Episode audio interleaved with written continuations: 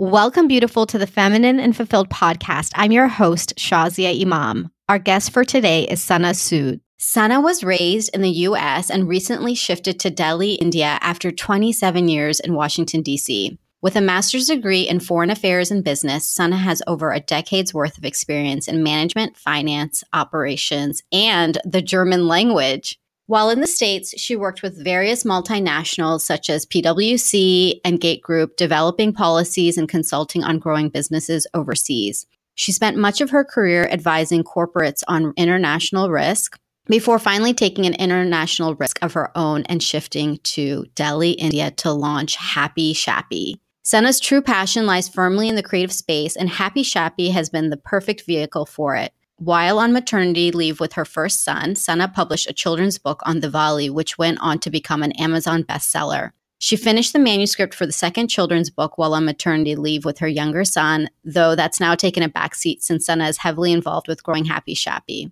As the co founder and director of creative, Sana oversees all the content generation and marketing at Happy Shappy, her goal is to make fashion and trends a lot more fun and accessible to users, and her hashtag Happy Shappy are her two little boys. Oh my goodness, son, I'm so excited to have you on today. I'm so excited to be here, Shazia. Thank you for that lovely introduction also. You make me sound so cool, which I'm really not, but thank you so much. oh my gosh, you're so cool, Sana. And just because this is a podcast and people don't get to see you, I just have to say you are so cool. You're this tall, thin, oh Indian, oh like almost Bollywood actress like woman. I mean, in our circle of friends, we'd always just like be staring at you, Sana, and thinking, oh my gosh, she is so gorgeous. Thank you so much. I am so glad it's a podcast because I'm literally sitting here in my PJs with my hair in a bun and pimple cream all over my face. So I'm really, really happy it's a podcast. I'm so happy that's the case.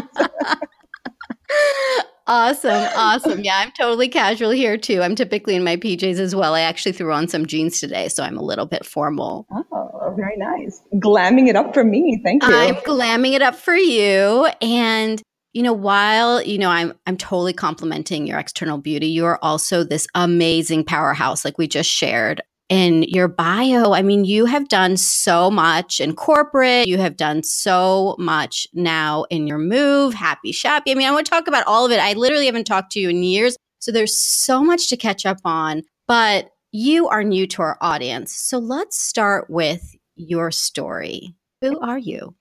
Who am I? Oh my goodness. It's such a loaded question.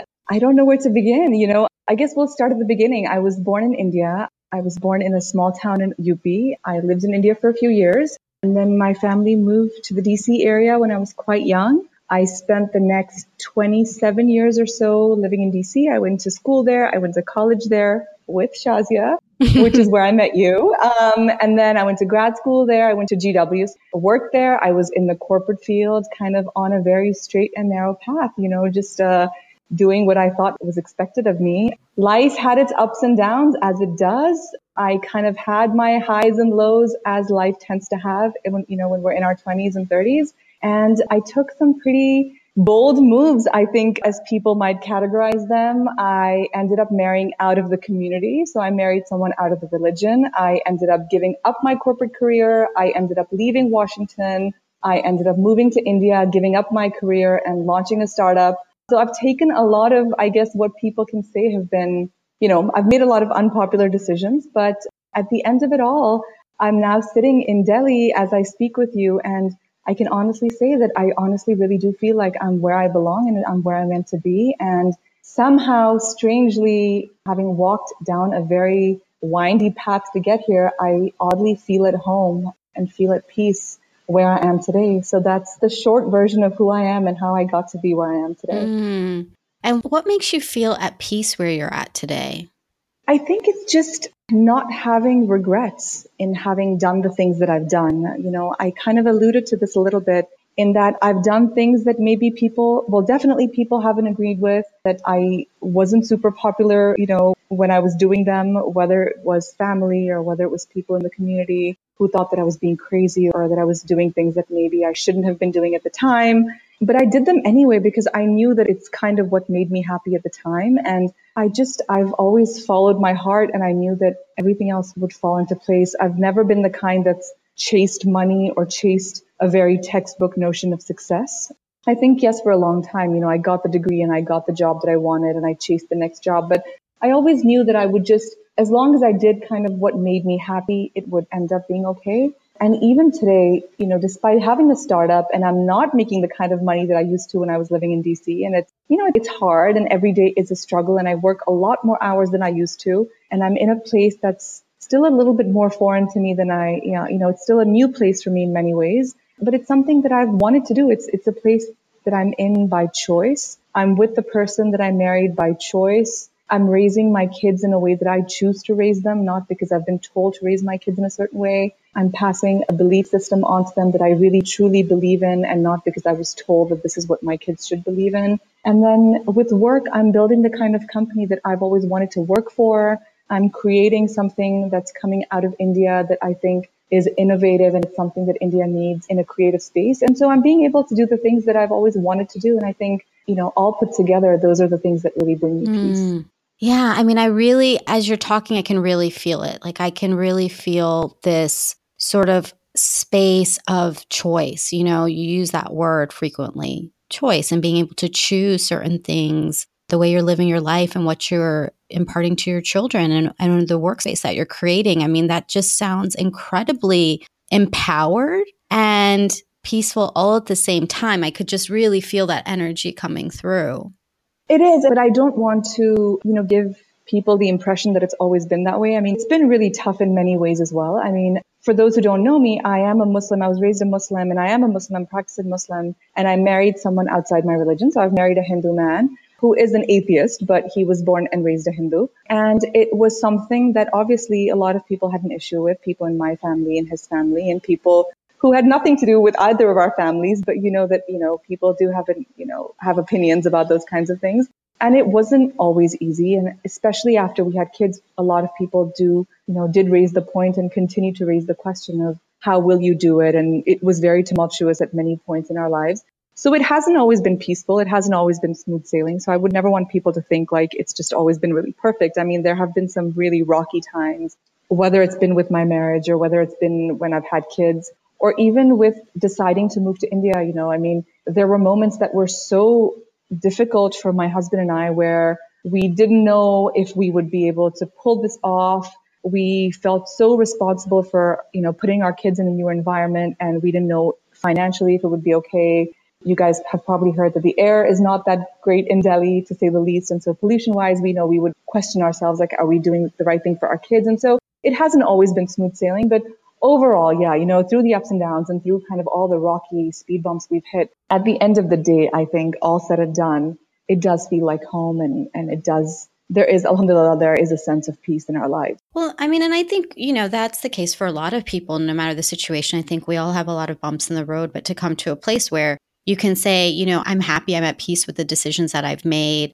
can feel very different from being in a place where you are doing everything because that's the way it's expected and not feeling at all at peace and still facing the bumps along the road. I mean, it's uh it's definitely a different feeling. Right. So, is there anything in particular? I mean, you've talked about a number of different things. Is there anything that really stands out to you in sort of this adult part of your life that was maybe a catalyst moment or something that really was kind of that wake up point in your life that said, you know, things have to change or I'm going to move in a new direction?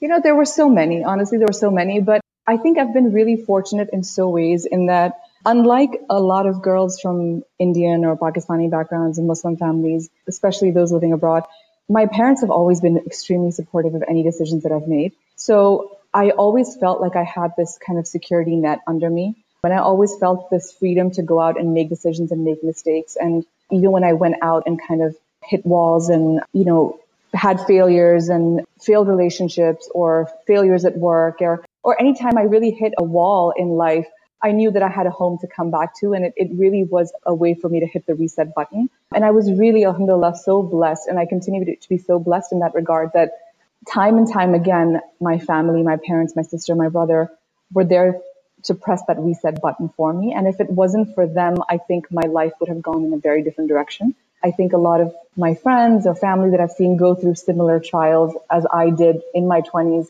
my life could have gone very differently. I would have been forced to make different kinds of decisions.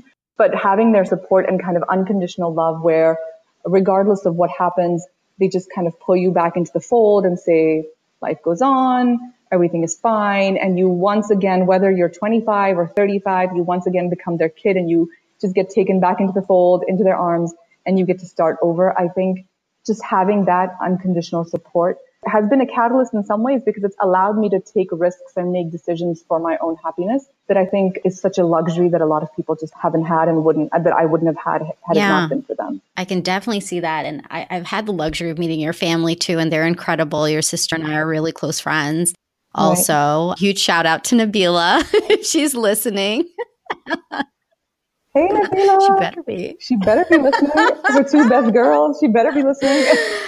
oh, and you know, meeting your mom and your brother and your dad as well. I mean, that family support structure. I can see how they've really been been there for you, and it, it's so heartening to hear that too, because you are such an amazing person who has so much to give back, and you could have kept going in the path you were, and you could have done the corporate thing, and you know, and I just love hearing about this new endeavor that you've gone on because it's taking kind of all the best parts of you and putting it into a business called Happy Shappy. So, what is it all about? Let's hear about it.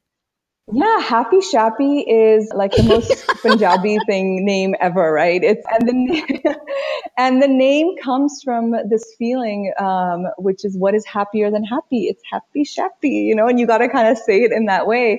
It's basically, it's a product that's made for India. It comes out of India. It's something very creative. It's a place where you can go and look for ideas and inspiration in fashion, in trends, in beauty, in food, travel, decor, weddings, really anything that is beautiful and fun and exciting for India, which is all of those things. You can get new inspiration. You can look at ideas. You can upload your own ideas you can save the ones that you really love. So we give you little scrapbooks that are called dream boards. You can save the ideas you love into dream boards. And then we give you a button that says, I want it. So let's say you find a picture of an outfit that you really love. Your brother's Valima is coming up and you th- decide that this is an outfit that you really want. You click the I want it button. You tell us when do you want it? How much do you want to spend? And any customizations like it's a lehenga in blue, but you want it in pink and you want a long sleeve because you're you know, repping the hijabi style and you hit submit and it comes over to us. We've built a really cool tech platform on the back end of it where we connect you to the best vendors and boutiques and designers. If it's an outfit that you're asking for, if it's decor, it would be a decorator. If it's a cake, it'll be the best bakers. If it's gifting, if it's, you know, whichever category it is, we'll connect you to the person in that category. And they basically make your dream come true. So rather than you having to run all over town, which in Delhi, in a city like Delhi or Mumbai or most cities in India is a real pain in the butt because the traffic is horrible and it's hot as hell and you're just running all over town on the happiest moments of your life, you can actually sit at home on your phone, on your laptop and just make your dreams come true, which, you know, what's more happy shopping than that? So that's really what the product is all about. Our apps are coming out pretty soon in the next month or two. And it's been really fun. We launched about a year and a half ago. It's been a tremendous learning process, not just because I came from a super, super corporate, like international risk background, finance, operations, and Nitin, my husband, who's my co-founder, comes from a tech background. So we had nothing to do with the Happy Shappy world. So A, it's been tremendously eye opening for us just to come into entrepreneurship and build it from the ground up but B, because we're a husband wife team that works together. So I think also for our relationship as husband wife to be working on something together, it's hold it's on, hold on. I have to stop you there. Hold on, I want to hear more. Well. yeah. Tell me the juicy details. I figured you would. Yeah. you know, I'm actually so surprised because I thought we would end up killing each other. And there are some days where I just, we want to kill each other. But on the most like for the most part, it ends up working out quite well. And I think we've had to do a really good job of defining what he does and what I do. So we've made it very clear that he takes care of certain aspects of it. Like he is the tech guy, the operations guy, the sales guy, and then I'm the creative space, PR, the marketing, like the content. So we've made it very clear what he does and what I do. And until we did that, we would just get into it all the time, like in front of everybody in the office. And we would come back to home and just be like, I can't believe, you know, just, and just like be snipping at each other the whole time. And then we had to make a conscious decision and just, okay, the madness has to end. And so we very clearly defined what he would be doing and what I would be doing. And then we just try to keep out of each other's way. But we actually ended up, mashallah, we work very well together. And what happens in the office stays in the office. It's like Vegas, you know? So whatever goes down in the Happy Shappy office stays down in the Happy Shappy office and then we go upstairs and then we're just mama and papa and Nitin and Sana and we go up and we parent the kids and, and it's life as usual. How are you able to do that though? I mean, what's family like then when you get back home and, and the kids are home and it's you're winding down for the evening?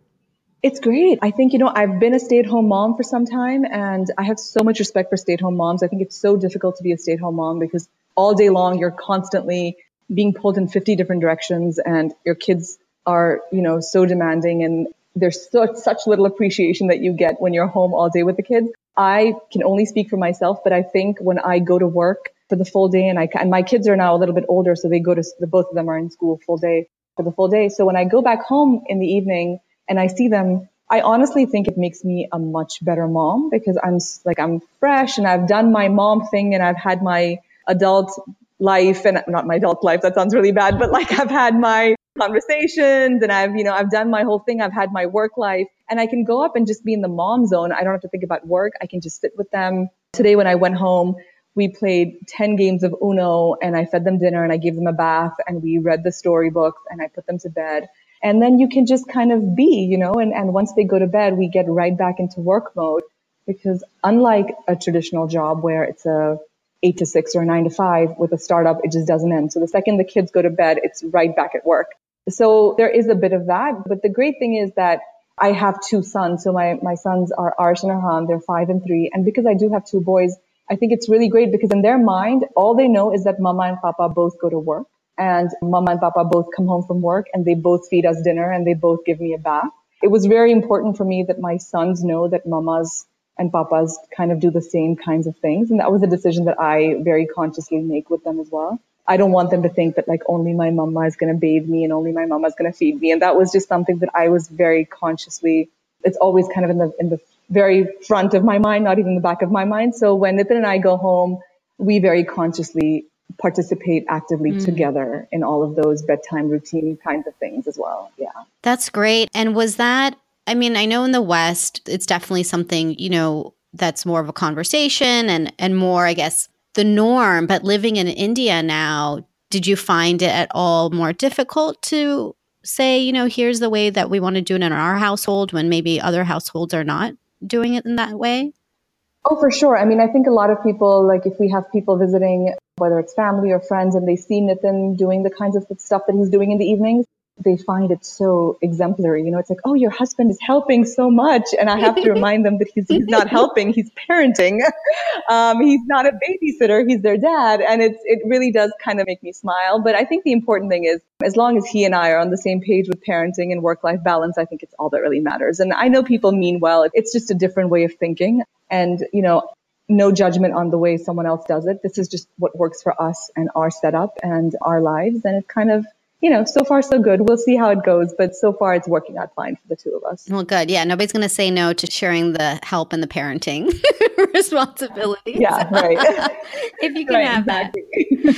So, absolutely. Speaking of, you know, just the, you know, the way people might react to things in India, what else were some big, I guess, changes or big differences you saw when you moved? I mean, growing up in the US and then, you know, moving to India, I'm just so curious to hear like what was that like? Because I don't know that I could go and, and move like halfway across the world now as an adult.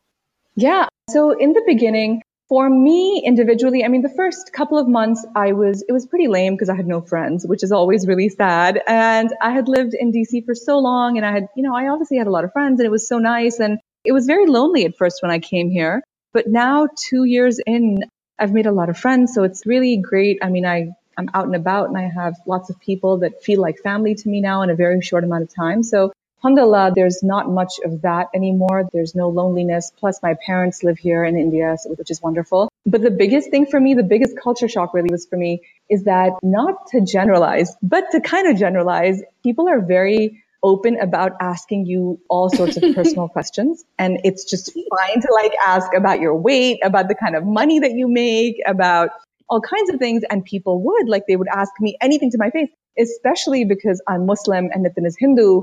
They would have a lot of questions about my kids and what their religion is. And mind you, at the time, Arhan was one, Adish was three. So, which I think is just crazy to ask me what my one year old, like what he practices as a religion, you know? Because at the time, the kid is like pooping and on breast milk and that's his religion, you know? So that's, I just thought it was hilarious. And it's one thing to have family and friends raise those questions as a matter of concern as far as parenting and a relationship type of question goes. I think that's still a valid point. But, you know, strangers, people that you've kind of met socially would find fairly acceptable to ask those kinds of things. And so at first I would find myself getting really offended and worked up and like, what do you mean? And, you know, kind of getting into this very defensive zone. But I think living in a place like this, you have to have a bit of a thicker skin and you just develop a sense of humor about those things. And then I just started coming up with like cheeky answers to things. And, and now, and I kind of now know what to say. I just tell people that I, I just want my kids to be good people and leave the world a better place than they found it. And that's that, you know, I'm not going to get into it.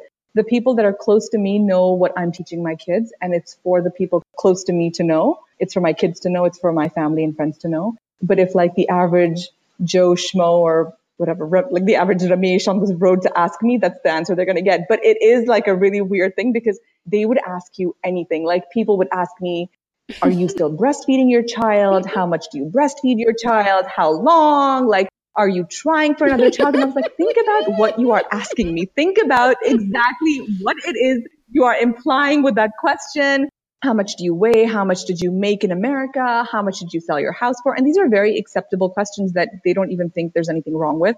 And it really took me some getting used to. Also, the driving in the beginning really used to throw me off. Like getting in the car and just having things come at you from all directions. Like it could be a cow, it could be a goat, it could be a rickshaw, it could be a truck, like it could be anything used to really throw me off. And I used to feel like I was trapped in a video game and I, it used to freak me out so much.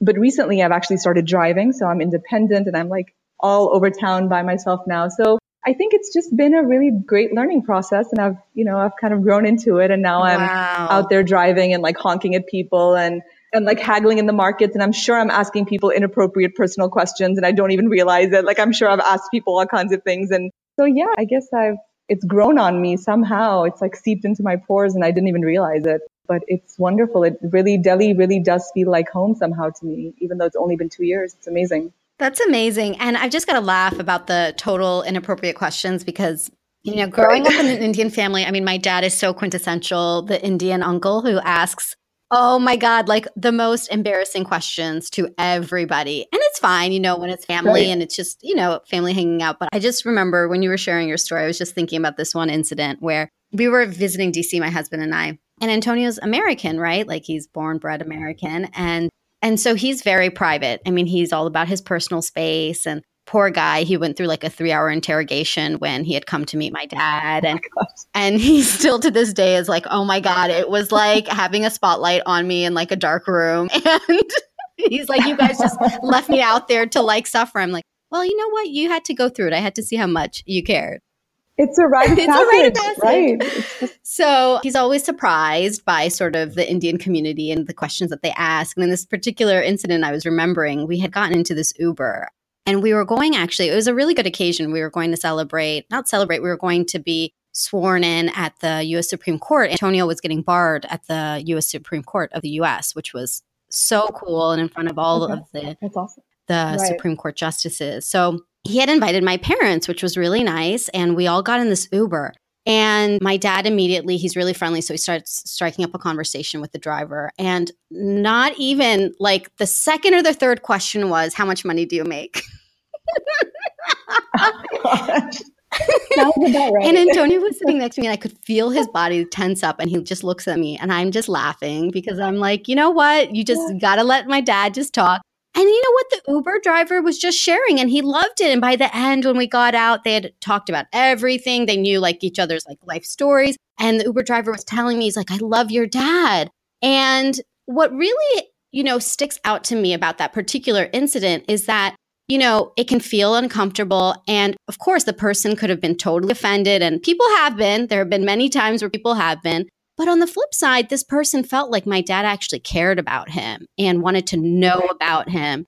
And so, yeah. you know, Antonio and I were just talking about it later, and I was like, there's pros and cons to everything. Yes. Are Indians like so invasive? Oh my God, sometimes completely like, I don't want to hear about how fat I've gotten. Like, thank you. I see myself in the mirror.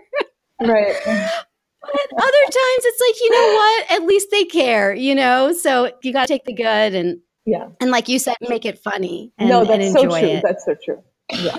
No, that's so true. And and there is such a sense of community here, which is wonderful. Like no one is too busy for you, which is so nice. And I think in the US sometimes we feel like we're in such a rush to get everywhere. Like you go into a cafe and you're quickly rushing through your coffee and you're rushing to go everywhere. And and here, yeah, it's kind of annoying that everyone is late and everyone's running on Indian standard time.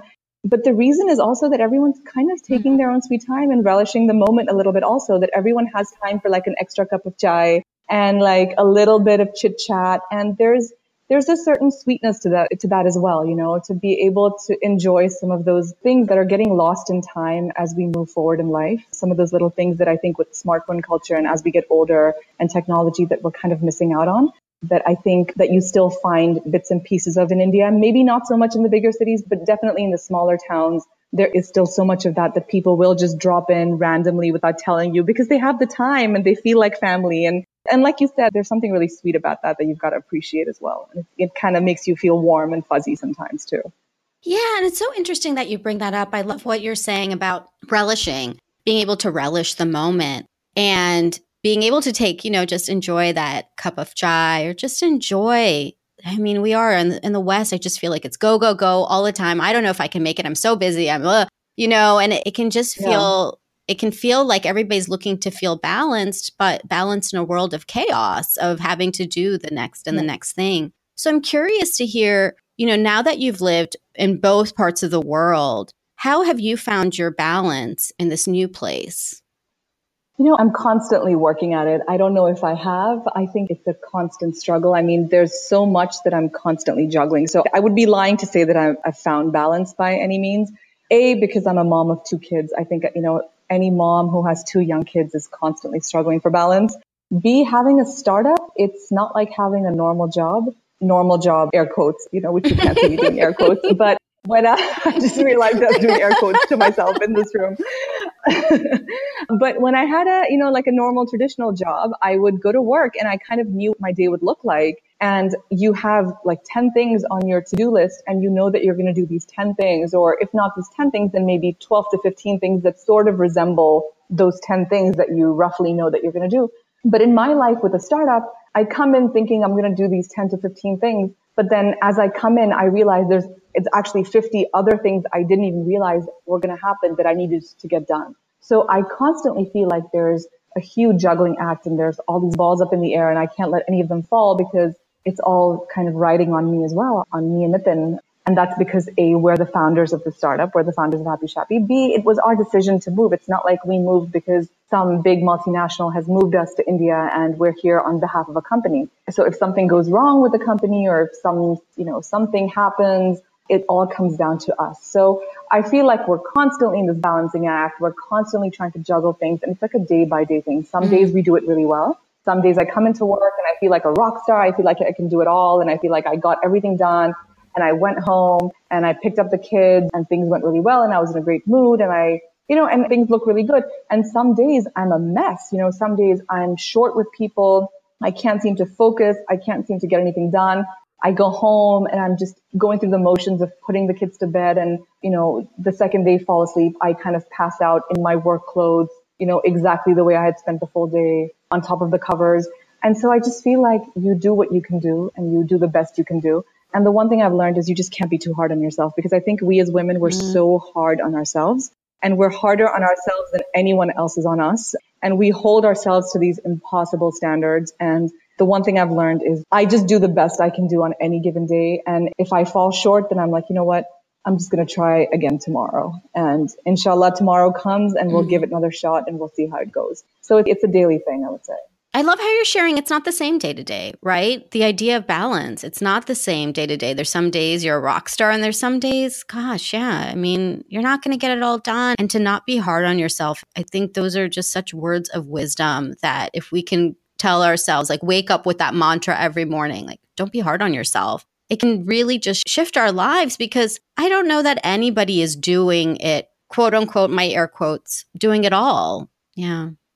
Right. Yeah. Like, I don't see why we need to do it all, honestly. I mean, I think you, like, what is the big deal with doing it all, honestly? I mean, you do what you can do. And so much of it has to also do with, you know, what happened to just being happy also? what happened to being happy shappy? Not to plug my company, but what happened to being happy shappy? What happened to just taking some time out to do nothing, you know? We don't always have to be doing something or making things perfect. And I think we also live in a time where we care so much about how things look on the outside that our lives have to be so perfectly Instagrammable and have to look a certain way. And we have to feel like we're these Pinterest worthy mothers or we have to be a certain way. And I feel like we put a lot of pressure on ourselves to always be on point and presentable. And I think mm-hmm. it's a lot mm-hmm. of pressure. And sometimes you have to just be, you know, and sometimes it's enough to just be. And I think that's, that's more than enough on most days. I completely, I couldn't agree with you more. And I love that you are really living that too by doing your happy shappy, living your happy shappy and creating happy shappy for others too.